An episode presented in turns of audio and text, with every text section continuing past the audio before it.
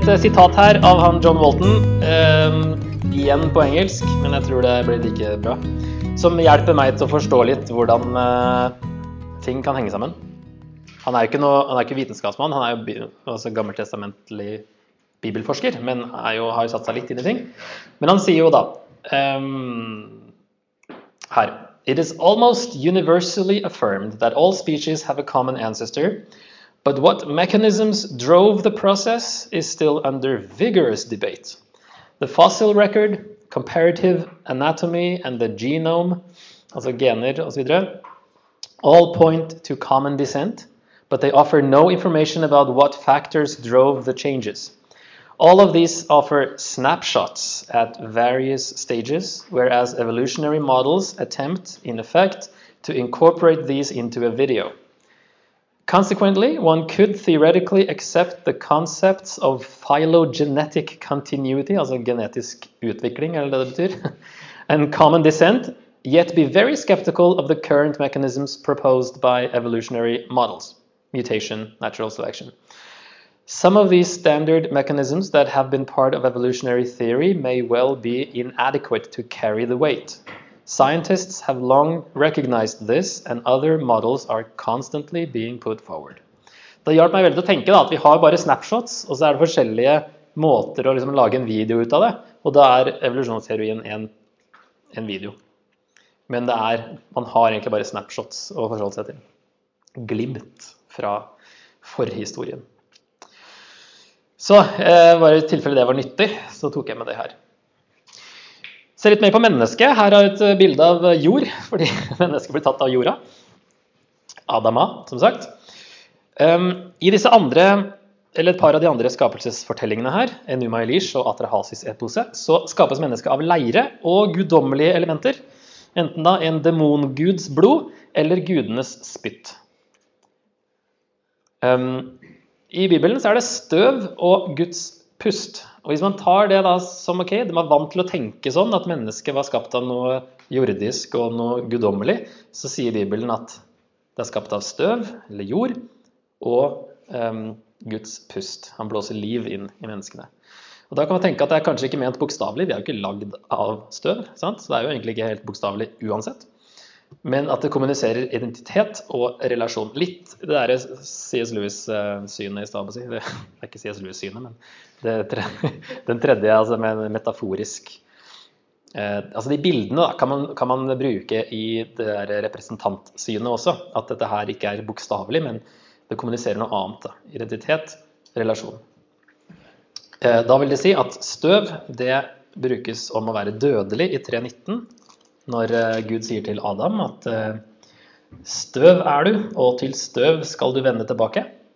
Og i Jobbs bok òg er det en parallell mellom å Kanskje greit å lese det verset, faktisk. Jobb 10, vers 8 og 9. Ehm, Din hånd formet og laget meg, men nå angrer du og utsletter meg. Husk, du laget meg av leire, og nå lar du meg vende tilbake til støv. Han klager jo til Gud her, da, men eh, lager en parallell mellom eh, laget av leire og vende tilbake til støv, altså leire og støv, at det er noe av det samme, det er fra jorda, og at han holder på å dø. Ikke sant? Det har med dødelighet å gjøre. Så det er poenget at vi er dødelige, ikke at vi er lagd av støv. At det er det som, er, eh, det som sies i kapittel 2 her. Og da er kanskje ikke poenget menneskets opprinnelse, men at vi er dødelige, og at Gud ordner en måte å ha liv på når vi kommer til de trærne her i kapittel 3, eller 2 og 3. Um, men uh, Eva blir, skapt, uh, blir bygd ut av et ribbein av Adam, oversettes det stort sett, men det ordet betyr egentlig mest side. Og det gir jo litt mer mening at det var mer enn et ribbein når det står i 2.23 at uh, Adam sier nå er det bein av mine bein og kjøtt av mitt kjøtt. Det var i hvert fall en god del kjøtt på det ribbeinet, hvis, det, hvis det bare var et bein. Men det kan godt være liksom en, hel, en hel halvpart av Adam som liksom var Eva. Litt sånn uh, mat til feministene her. Jorunn er fornøyd.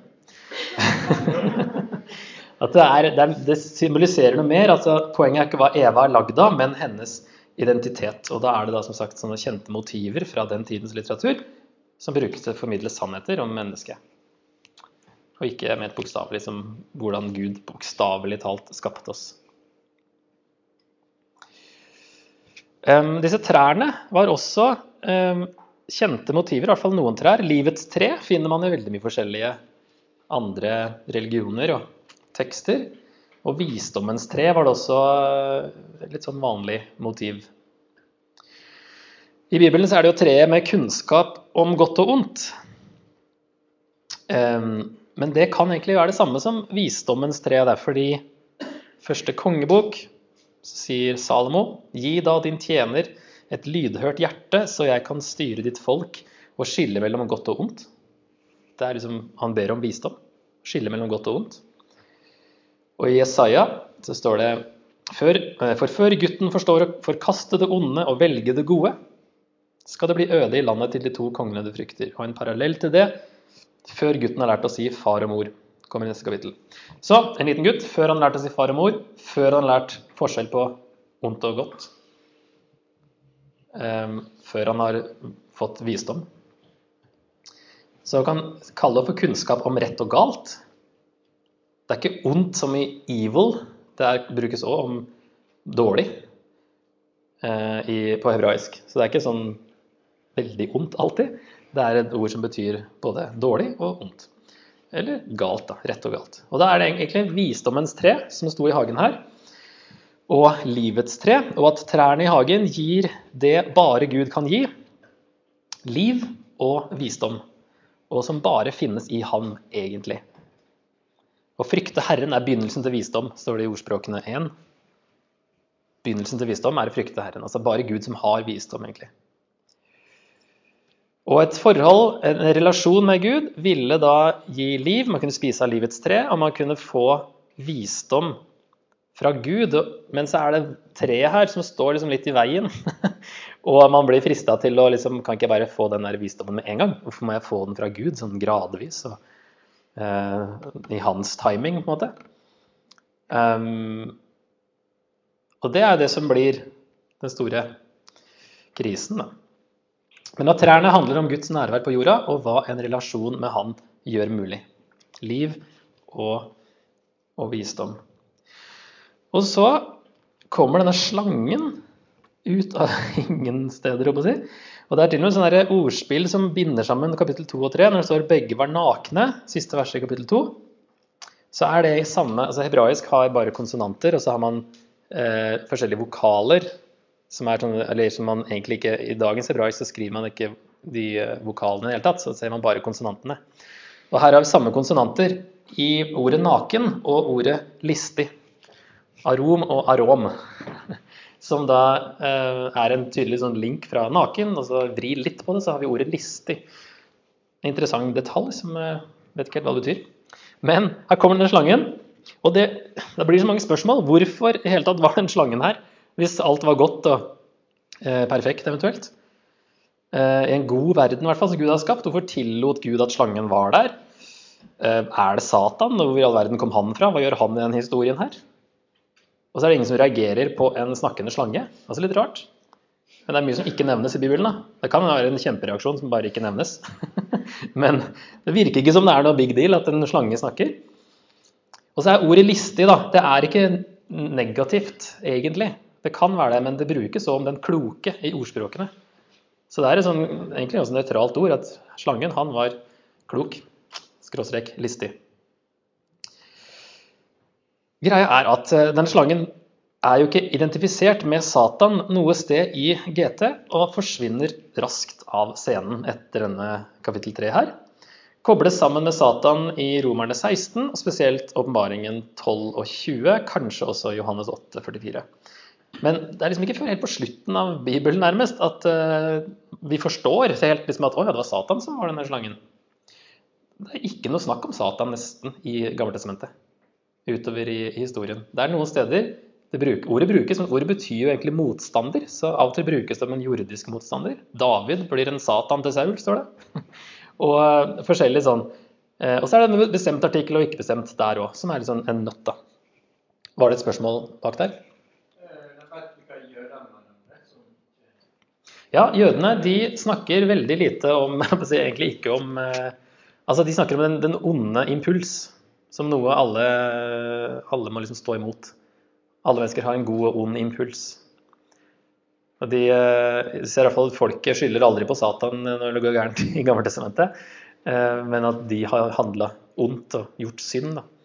Og det er kanskje litt samme tankegangen fortsatt. Men det er jo veldig mye Satan i Nytestamentet. Men uh, slangen her altså Det kobles sammen til slutt, men her, her er det kanskje ikke først og fremst Satan sjøl, liksom. Uh, slangen var jo et symbol på et sånn kaosmonster. Vet ikke om dere har lært om kosmos og kaos? At uh, det er det motsatte av hverandre. å Si. Kaos, Vi kjenner jo til ordet kaos. Men altså, man trodde at det var sånne kaosmonstre som gudene måtte slåss med og holde i sjakk for at det skulle være kosmos.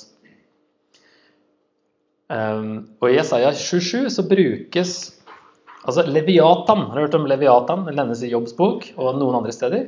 Det er jo sånn kjempe sånn sjøuhyre som um, um, dukker opp i litt sånn uh, lignende navn i andre uh, religioner. Og i Jesaja 27 så står det vers 1 Den dagen, altså når dommens dag kommer. Den dagen skal Herren straffe med sitt harde og store og sterke sverd den flyktende slangen Leviatan, den buktende slangen Leviatan. Han skal drepe uhyret i havet. Der brukes, her og har vi oversatt det med slange. Samme ord som her brukes om dette sjømonsteret, som er en sånn kaoskraft som eh, som Gud da, Forskjellen med de andre religionene er jo at gudene må slåss mot dem, og de er liksom en reell trussel. Mens i Bibelen så er det liksom den, altså I Jobbs bok så er Leviatan liksom Guds lille kjæledyr. Det er liksom ikke, det er ikke noe trussel, men, men uh, Gud har liksom full kontroll over disse kaosmonstrene som man trodde på. Så da, ok, hva ville da de opprinnelige leserne tenkt? Israelittene, som kanskje ikke hopper rett til Satan-konklusjonen, hva ville de tenkt? Kanskje at mørke krefter snakket gjennom slangen? Eller da et Eh, symbolsk for begynnelsen på den daglige kampen mot ondskap, som da denne gode, onde impuls kanskje er det samme som. Og som det da muligens nevner i 3.15.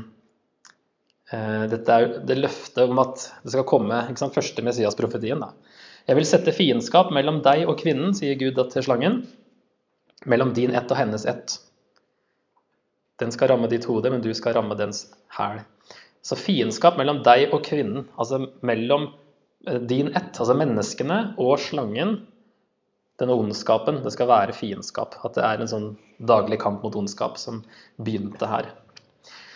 Så kanskje da Første Mosebok viser leseren hva eller hvem slangen egentlig er. Kanskje det mer er synd enn Satan inntil dette kobles sammen i Nytestamentet. Det er så mye mystisk og interessant i de kapitlene her. Og så er det så grunnleggende samtidig, så vi får prøve å dra ut det som er eh, viktig å få ut. Da. Men her, jeg sier det, jeg har nevnt kanskje et sitat her før, men jeg syns det sa det så utrolig bra i denne barnebibelen, som da heter eh, 'Bibelen forteller om Jesus'. Det er bare å kjøpe på seg, i hvert fall hvis man skal ha barn. Men Gud hadde gitt Adam og Eva kun én regel de ikke måtte bryte. Ikke spis av frukten fra det ene treet der borte, hadde Gud sagt. For hvis dere gjør det, kommer dere til å tro at dere kan og vet alt. Dere kommer ikke til å stole på meg lenger, og da kommer det til å bli død og sorg og tårer. Jeg tror jeg vi har essensen i hva som skjer. Så står det videre Gud visste nemlig at hvis de spiste denne frukten, ville de tro at de ikke trengte ham.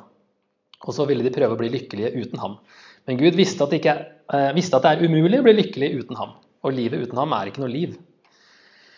Og så eh, Det slangen sier i denne boka, her, da, er eh, Er du sikker på at Gud virkelig elsker deg? Og så begynner Eva å undre. da, Elsker Gud meg egentlig? Plutselig var hun ikke så sikker lenger. Og det er jo det slangen gjør. Han, han fokuserer på reglene og ikke relasjonen, som er utgangspunktet for reglene. Han går bare rett på det her, eh, hva du har lov til og ikke lov til og ikke det at Gud har en relasjon med dem. Så han får Eva til å tvile på Gud. Og det er jo noe som har skjedd med relasjonen til Gud akkurat der. allerede før hun tar frukten, før hun bestemmer seg for det, så har hun begynt å tvile på Gud. Tror ikke at Gud Altså, slangen sier at Gud har jugd. Det er jo ikke sånn Nei, nei. Det er jo ikke sant. Ikke sant? Så hun tror at Gud ikke er til å stole på. Det er jo der det skjer noe fundamentalt. Så visdom hadde vært å ikke ta frukten selv om hun hadde lyst, fordi hun stolte på Gud som sa at det ville føre til død. Så hun stoler jo ikke på Gud. Så det skjer et brudd i relasjonen før hun òg tar frukten. Da. Dagens meme, for de som vil ha det. Live action shots of animals in the Garden of Eden when Eve took the fruit. Ble sjokkert. Men synden Altså, valget var da Ville de være sammen med Gud, stole på Han og lære visdom av Han? Dvs. Si hans definisjoner av rett og galt? Eller være ulydige og gjøre det på sin egen måte. Synden var å sette seg selv i sentrum, som også Paulus snakker om i Romerne 1. Vi mistet relasjonen og adgangen til Gud og skadet hans skaperverk med vår dårlige evne til å bringe orden på egen hånd ved vår egen visdom. Siden dette første opprøret har vi prøvd å redefinere alt vi tapte. Vi prøver fortsatt å finne ut hvem vi er og hvorfor vi er her. Og jeg bare tenker hva skulle vi gjort uten kapittel 3? Det er så viktig, det som skjer her. Vi ville jo ikke skjønt hva som er gærent med verden hvis vi ikke hadde hatt det kapittelet. Og det gir jo svar på veldig grunnleggende ting. Jeg har tenkt, eh, altså Hvis noen spør meg hvordan i all verden kan du være kristen, så har jeg lyst til å svare neste gang det skjer. Hvordan kan du ikke? Har du egentlig tenkt over hvordan du kan ikke være en kristen. Um, F.eks. her med moral her. Altså uten Gud, hvis ikke Gud finnes, så kan man ikke påstå at noe er godt eller ondt. Da må all moral være subjektiv. Da kan du ikke klage over at onde ting skjer. Men det er likevel noe i oss som reagerer på ondskap. Fordi vi er skapt i Guds bilde, og fordi det kapitlet her er sant for alle. Uh, Metoo-opplegget, håper jeg. Uh, bevegelse var det kanskje ikke. Kampanje var det heller ikke. Hva var det for noe? Metoo-greia. uh, så var vi enige om at det var galt, sant? Men hvorfor? Altså Man kalte det for liksom, asymmetriske relasjoner. Ja vel, det er galt. Hvorfor er det galt? Ja, det er vi enige om. Ja, hvorfor det? Man kunne ikke kalle det synd, men man prøvde å definere det på andre, andre måter. Fordi vi var enige om at det her var noe galt. Um, og en historiker som heter Tom Holland, han sier at eh, den metoo-greia kunne aldri fått noen effekt om ikke Europa var så gjennomsyra av kristne verdier som de fleste er enige om. Og uten Gud må du også bare anta at du kan stole på fornuften din. Naturlig utvalg er jo ikke ute etter sannhet, men etter å overleve. Og uten Gud har jo din eksistens ingen mening. Og det er ikke ønsketenkning, men det er logisk ut fra de andre punktene her, syns jeg. Så her er uh, utrolig viktig kapittel. Det forklarer så mye hva som er galt med verden, hvorfor vi kan si at noe er galt med verden, og at, uh, at vi vet hva som er rett og galt fordi Gud har lagt det ned i alle mennesker. Her um, sier også denne barnebibelen det veldig bra. Gud kunne ikke la barna sine få leve evig lenger, ikke med så stor smerte, ikke uten han. Det fantes bare én måte å beskytte dem på. Dere må forlate hagen med en gang. Dette er ikke deres hjem lenger. Dere kan ikke bo her mer. Fordi relasjonen var ødelagt. Før Adam og Eva forlot hagen, ga Gud dem et løfte. Det kommer ikke alltid til å forbli slik. Jeg skal redde dere. Og når jeg gjør det, vil jeg kjempe mot slangen. Jeg vil fjerne synden og mørket og alt det triste dere har sluppet inn her. Jeg kommer og henter dere. En dag skulle Gud selv komme. Det er 3.15, med at det skal komme en redningsmann.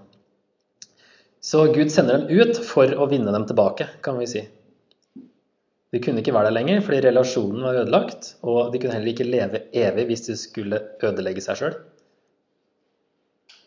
Og så måtte de ut av hagen så de ikke skulle ødelegge seg sjøl for evig. Det er heller ikke noe positivt. Prøve å få ut en hovedpoeng fra kapittel 2 til 4, så er det at eh, mennesket er dødelige. Tror jeg det sies her. Og ikke at vi er født eh, udødelige eller skapt udødelige, men vi er dødelige. Men ble skapt til å ha liv gjennom en relasjon med Gud, konkretisert i livets tre, som man kan tolke bokstavelig eller symbolsk. At det faktisk var et tre, eller at det er symbolsk på et eller annet.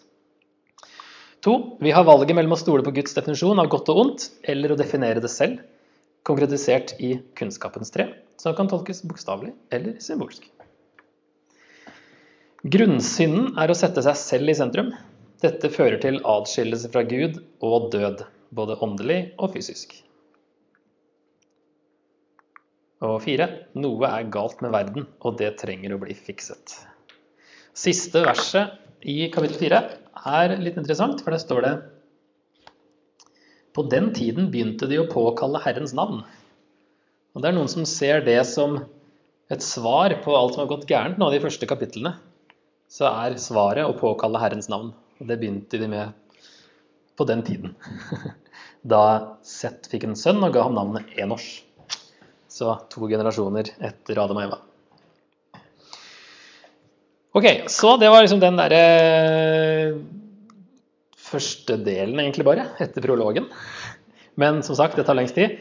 Eh, neste er ganske kort. Det er kapittel fem boken om Adams slektshistorie, som går litt ut i kapittel 6. Og her ser man hvor lenge de levde, eh, i lengden på skjegget.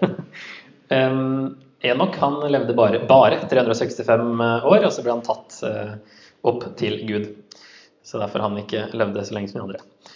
Eh, det er ti generasjoner, eller ti Ja, er det generasjoner, eller er det ti utvalgte personer?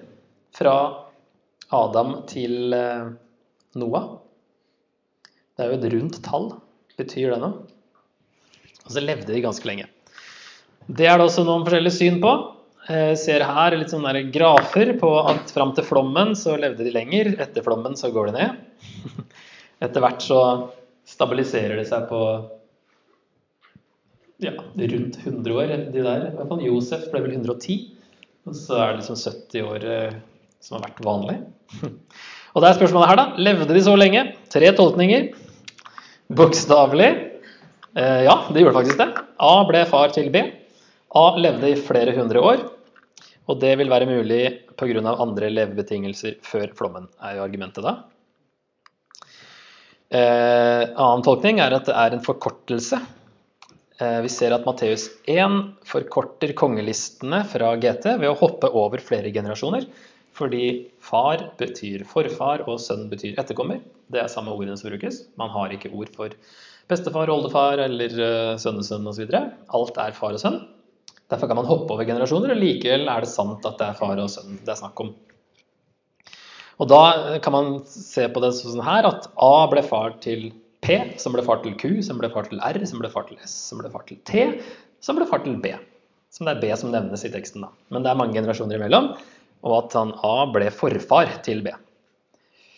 Eh, A ble far til slekten som endte opp med B. Dere skjønner sånn matematisk A og B, sant? selv om vi ikke går på Gløshaugen?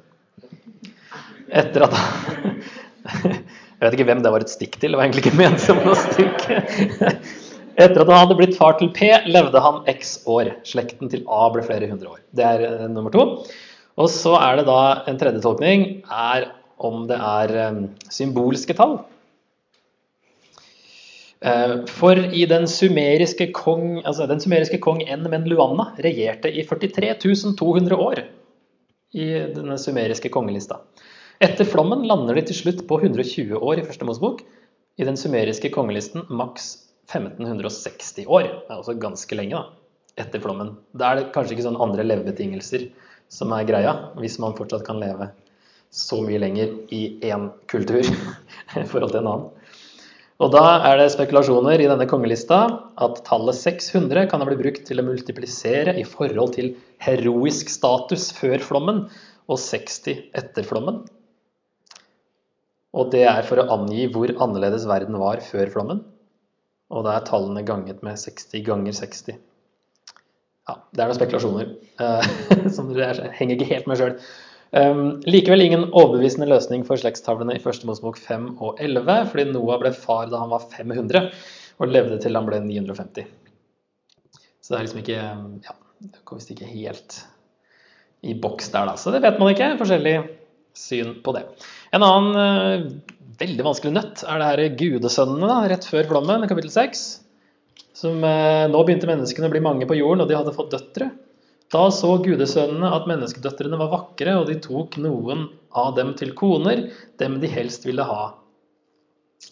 Herren sa, min ånd skal ikke for alltid bli værende i menneskene, for de er av kjøtt og blod, deres levetid skal være 120 år. Det var kjemper på jorden i de dager, og siden også, for gudesønnene gikk inn til menneskedøtrene, som fødte dem barn. Dette er de mektige fra eldgammel tid, de navngjetne. Ok, eh, Engler er en tolkning. De kalles gudesønner andre steder. Det er den eldste tolkningen, så vidt vi vet, i hvert fall til tredje århundre. Fins i en bok som heter Første Enok, som er en sånn jødisk bok um, utenfor Bibelen. da, I rabbinsk litteratur og hos noen tidlige kirkefedre. I så fall så er synden å bryte grenser. og Det ser ut som at 1. Peter og Judas brev refererer til den hendelsen her.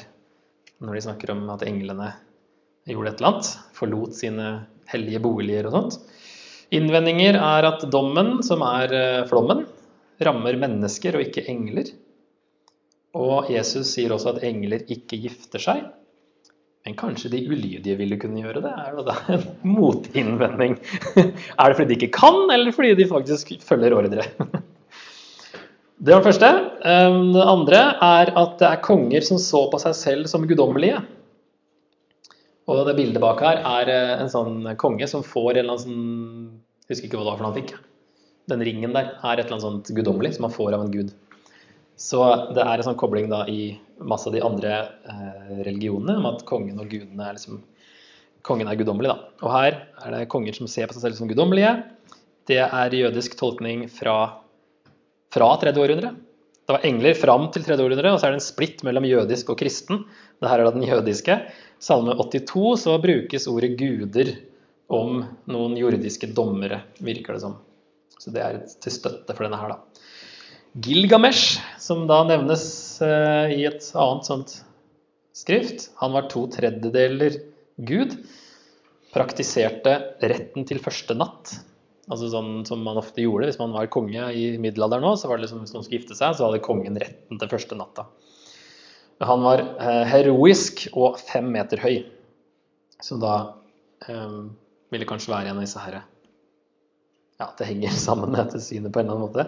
Og da blir det liksom en progresjon av synd hele veien, da, fra individer, Adam og Eva, til familie, der vi ser at det sprer seg, og Kain-synder, til samfunnet her, og til alle i flommen.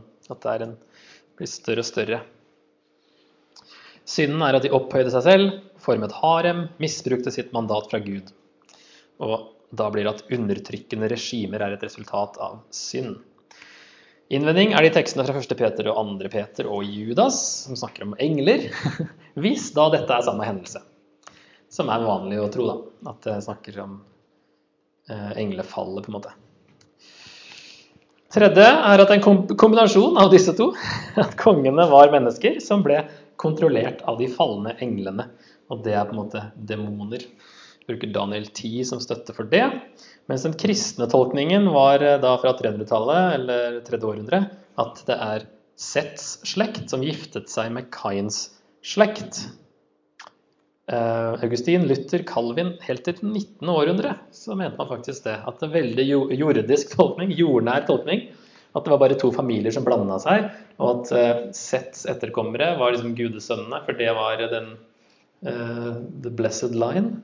Så var det Kain som var liksom den eh, første morderen som liksom hadde uh, Ja, og de ble kalt menneskedøtrene, da. Da er synden i så fall blandingsekteskap. At han skulle ikke blande seg. Uh, innvending er at man leser for mye inn i teksten. Det er merkelig å kalle Kains kvinnelige etterkommere for menneskenes døtre. Og bare de som kalles det. Pluss at det står ikke noe sted at man ikke skal gifte seg med andre slekter. Så det var bare fire syn på den der, for den er ekstremt vrien.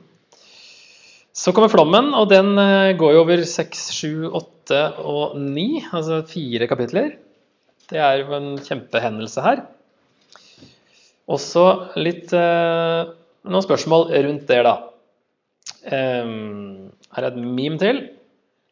Gud sier 'This world I made is being corrupted by sin'. Så sier en engel 'Have you tried turning it off and on again?' og det er jo det Gud gjør. altså Det er en, en reset tilbake til tilstanden i 1-2, da vannet eh, Vannet som Gud skilte i starten, blir sluppet fri igjen. altså Kaos kommer tilbake.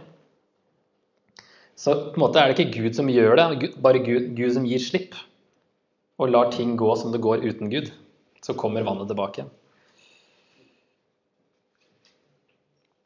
Her er spørsmålet er det global eller lokal flom. Det er kanskje det de fleste lurer på. Uh, språklig så er det begge deler mulig. Eretz er ordet på hebraisk som betyr både jord og land. Og det er oversatt med land i 80% av tilfellene. Ikke hele jorda, men landet. Så vi snakker om Israel, så er det landet. Samme ordet.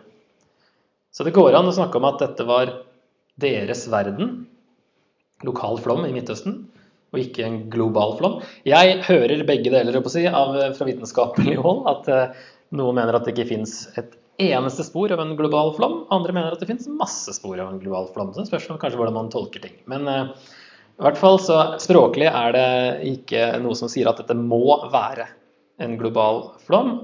Også når det står at alt Eh, jeg vil utslette menneskene som jeg har skapt fra jorden. Alt fra mennesker til fe, kryp og fugler under himmelen.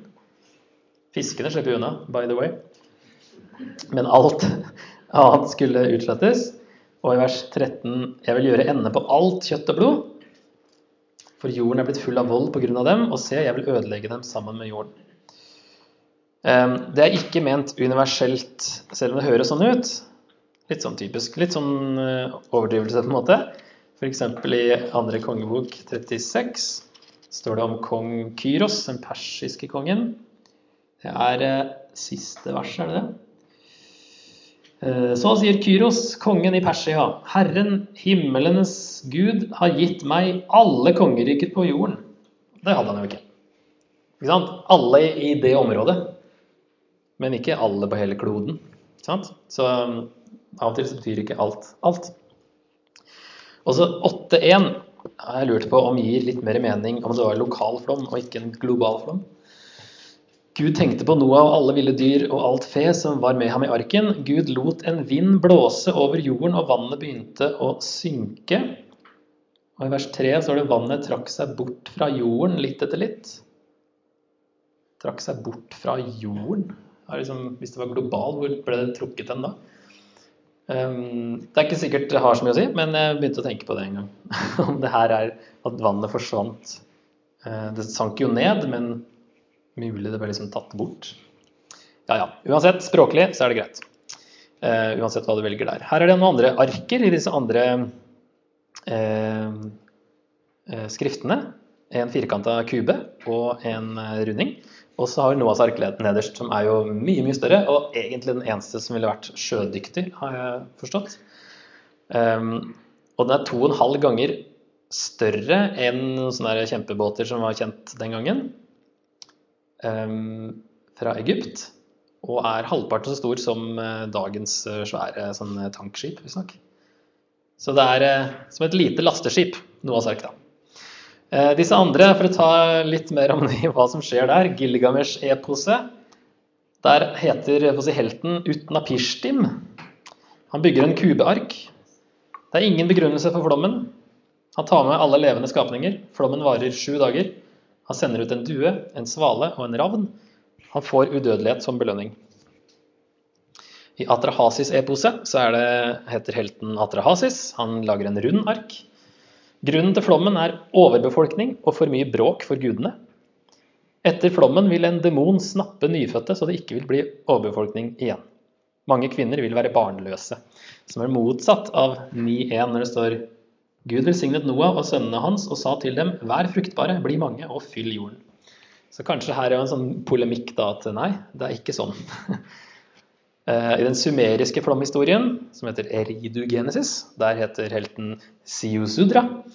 Han, eh, det er ikke så mye der info, men han overlevde flommen og ble udødeliggjort. Så vi har Det kan ha vært mange flommer, for så vidt, men én storflom som eh, dukker opp i de forskjellige her. Og som der liksom Noah har et annet navn, eller er en annen person. Og da blir jo spørsmålet vårt hvilken fortelling er sann? Er det de mesopotamiske flomberetningene eller Første Mosebok? Og en liten oversikt her som viser hvordan vi får, at Bibelen får noen poeng. da. Eh, det er at eh, mesopotamiske flomberetningene er poesi, altså dikt, mens Første Mosebok er prosa, fortellende tekst. Fortellende tekst er lettere å tolke og fremstår som mer historisk. Det var ett poeng. Eh, mesopotamiske tekster er stort sett ikke forankret i virkelig historie. Gilgamesh, som vi hørte om i stad, han eksisterte riktignok, men lenge før. Eh, så han er sånn halvsant. da. Første Mosebok er forankret i historiske personer. Mer troverdig. Første person i disse mesopotamiske flomberetningene, altså førstepersonfortelling, fortalt av Atrahasis og Utnapishtim, og er deres forklaring på hvorfor gudene gjorde dette. Så er ikke sikkert de skjønte hvorfor det skjedde. Mens Første Mosebok er tredjeperson med fokus på Gud. Noah sier faktisk ingenting. Det er Guds fortelling og hans forklaring på hvorfor han lot dette skje. Gud vet mer enn mennesker og er mer troverdig. Derfor får vi Bibelen et poeng til.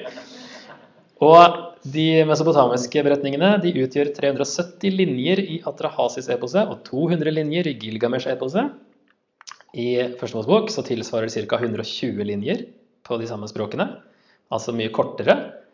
Og da er argumentet at historier blir som regel lengre og lengre med tiden. Så ut fra denne oversikten her så får Bibelen fire poeng. og er mer troverdig. Men det er i hvert fall noen ting å tenke på, da. Man, fordi første reaksjon ofte er jo at Bibelen har eh, kopiert de andre. Men har du noen argumenter for at det ikke absolutt trenger å være det?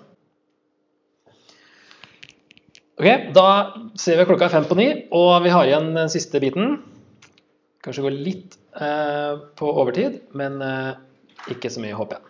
Kapittel 10 og 11 er da Noas sønners slektshistorie, ut fra hvordan Første Mosebok eh, deler det inn kapittel 10 og til og med Babels tårn, 11.9. Ehm, og så er det Sems slektshistorie. Og så kommer vi til Abraham, og da har vi liksom nådd der vi egentlig skal være. Om dere husker at vi har nevnt Enuma Elish, altså babylonske skriftet, har også med byggingen av Babel, altså Babel og Babylon, samme ting. I det skriftet som er babylonsk, så har man med hvordan Babylon ble til. Der bygger man òg bygger by, byen, men bygger også et sånn tempeltårn for gudene. Så det er en parallell i disse andre skriftene også. Og der sies det da Dette er Babylon, deres faste bolig, er det en som sier til gudene. Finn deres behag her. Sitt ned i glede. De store gudene satte seg. Ølkrus ble sett, eh, satt rundt, og de hadde festmåltid. Så, så der er liksom de bygger et tårn og sier her skal gudene bo, og så setter gudene seg der. Så det er kanskje da Eh, noe som ligger bak her, og så kommer det en sånn på en måte en satire i første Mosebok her, der ordet Babel tolkes som forvirring i stedet for gudeporten, som man likte å si når man var babyloner. Eh, da må vi stokke om på rekkefølgen i kapittel 10 og 11, fordi i kapittel 10 så eh, er det sønnene til Noah og alle slektene som kommer fra de, og hvor de spredte seg utover jorda. Og de hadde hvert sitt språk og sånt, står det. Um, tror jeg et sted. I hvert fall så spredte de seg rundt. Jo, dette var Sems etterkommere i 1031. Slekt for slekt og språk for språk. Land etter land, folkeslag for folkeslag. Og så er plutselig da 11.1 hele jorden hadde samme språk og samme ord. Eh, ikke sant? Så det virker som at tårnet i Babel er det som skjedde før kapittel 10. Det er en veldig vanlig tolkning. Og så spres det etterpå. Um, man trodde da at himmel og jord møttes på sånne tårn. Og når de ville skaffe seg et navn, står det, kom, la oss bygge oss en by og et tårn som når opp til himmelen, og skaffe oss et navn, så vi ikke blir spredt utover hele jorden.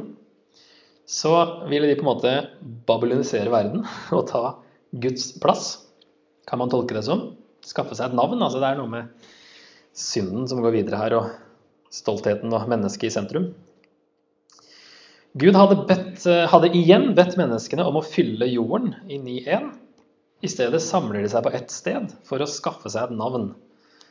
Kanskje prøve å ta tilbake Gud ved å klatre opp liksom, til gudene. Men eh, de, Gud sier at dere skal fylle jorden, altså indirekte. Spre dere. Men eh, i stedet så vil de ikke. De har ikke gjort det.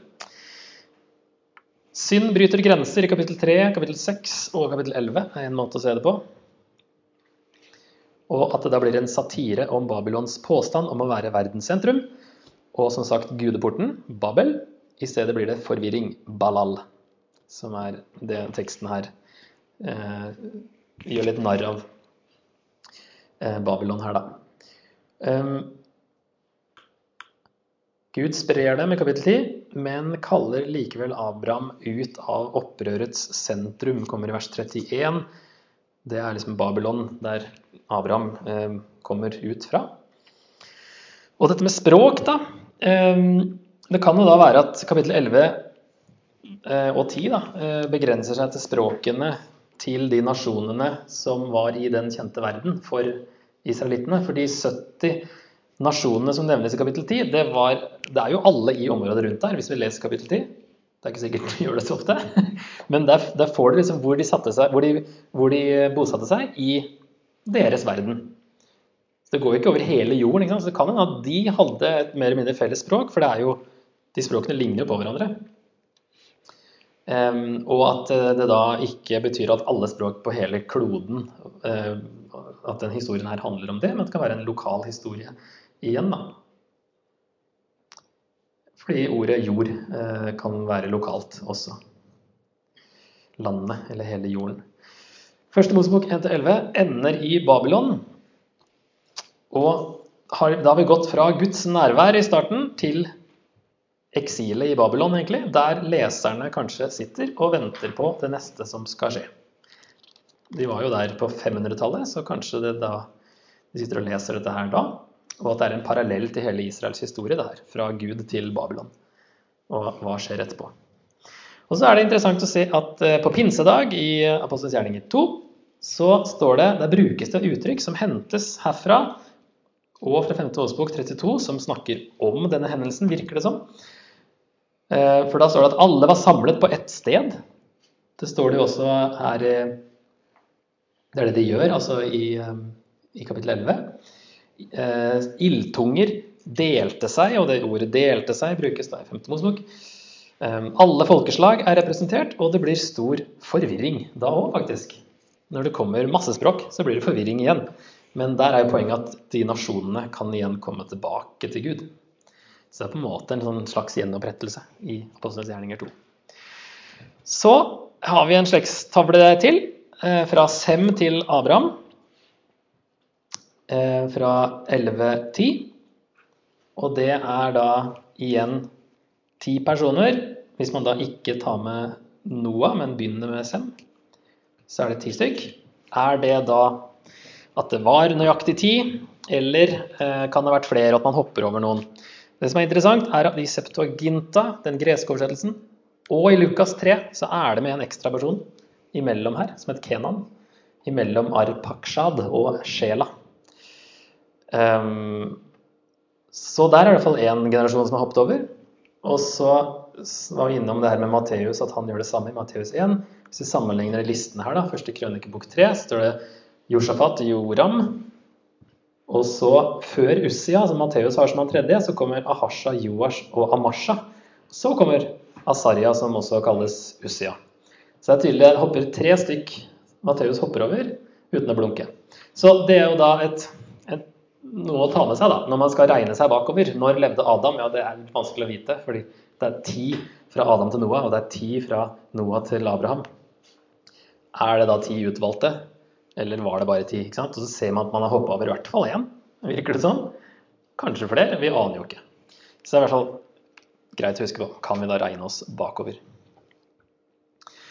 Ok, For å oppsummere innledningen av Bibelen Veldig kort. Menneskene har et problem som heter synd. Gud vil alltid dømme synd, men han er også nådig og gir aldri opp menneskene. Og ikke minst, da, denne historiens mål er Jesus. Det er dit vi til slutt skal. Det er der historien begynner nå. Det er liksom løsningen på syndens problem. Men det er hele veien her. Synden blir for stor, Gud må gjøre et eller annet, og så kaller han likevel ut Noah og Abraham og hele veien en som, som tar det videre. Da. Til slutt en eh, side her. Vi kan ta noen minutter muligens til å bare snakke litt om eh, noen ting som jeg har eh, i hvert fall samla opp her, som er nyttige å tenke på, tror jeg. Gud er skaperen og den eneste som skal tilbes. Verden er helt utrolig.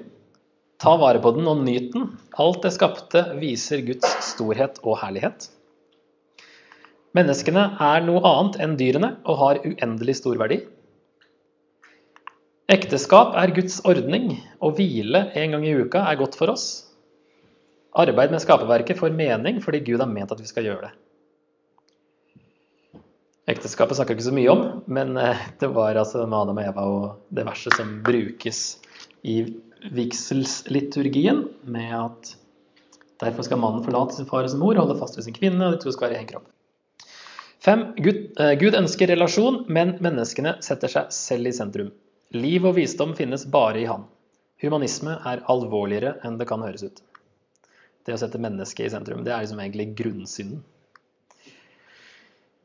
Det fins mange greie humanetikere, men ifølge Bibelen så er det ikke, ikke bare bare.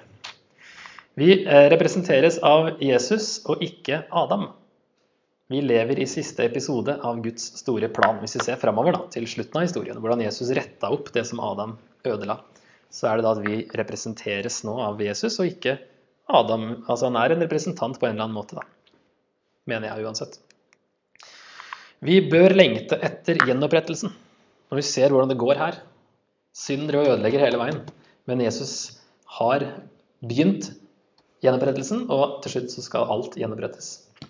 Vi må avsky vår egen synd og synd i verden og gjenopprette skaperverk og spesielt mennesker. Det er også noe å tenke over. Og det siste vi kan relatere til alle mennesker som skapt i Guds bilde. Og vi kan bruke sannhetene fra kapittel 1, 2, 3 spesielt når vi formidler evangeliet, fordi det her gjelder alle mennesker. Alle kan vite forskjell på rett og galt, f.eks. Alle har en fornuft som kan stoles på, fordi Gud har skapt oss sånn. Det er masse, masse stoff, så jeg prøver bare å konkretisere litt på slutten her. Og ta det litt inn.